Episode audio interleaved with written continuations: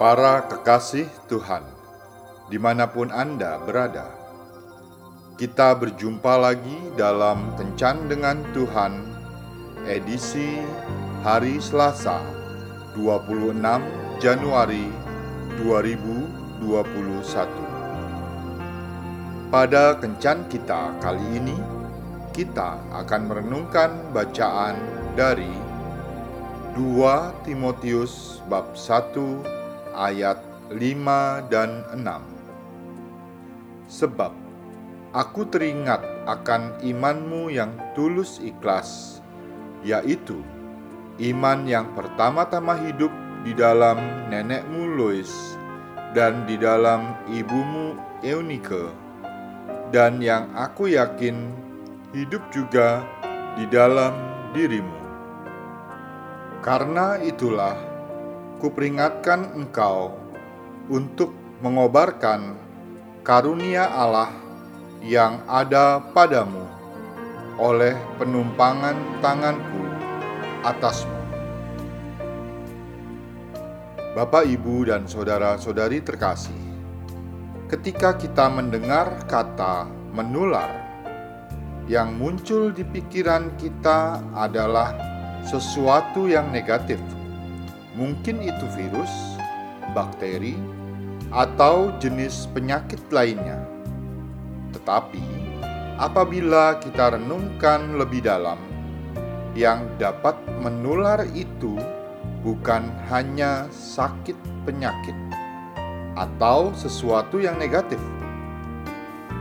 melainkan juga hal-hal yang positif.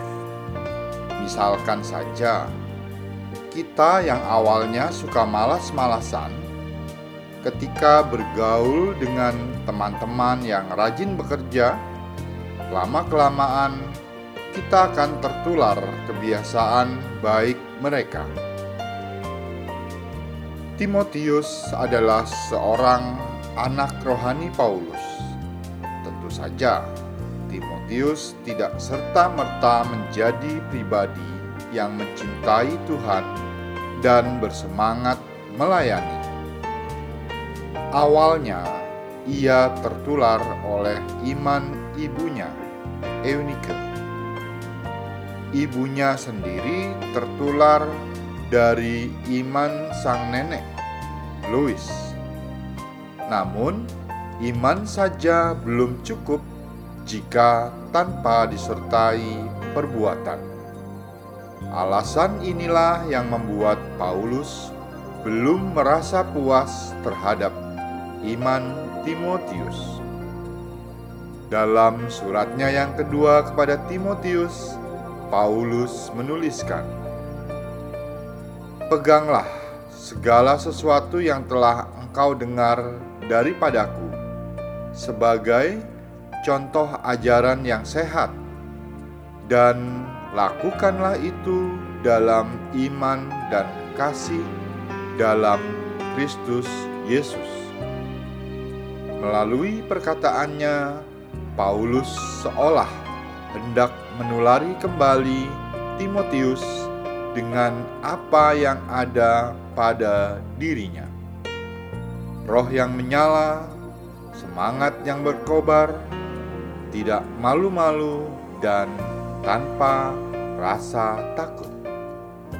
Itulah yang ada di dalam diri Paulus, yang ia harapkan juga ada di dalam diri Timotius.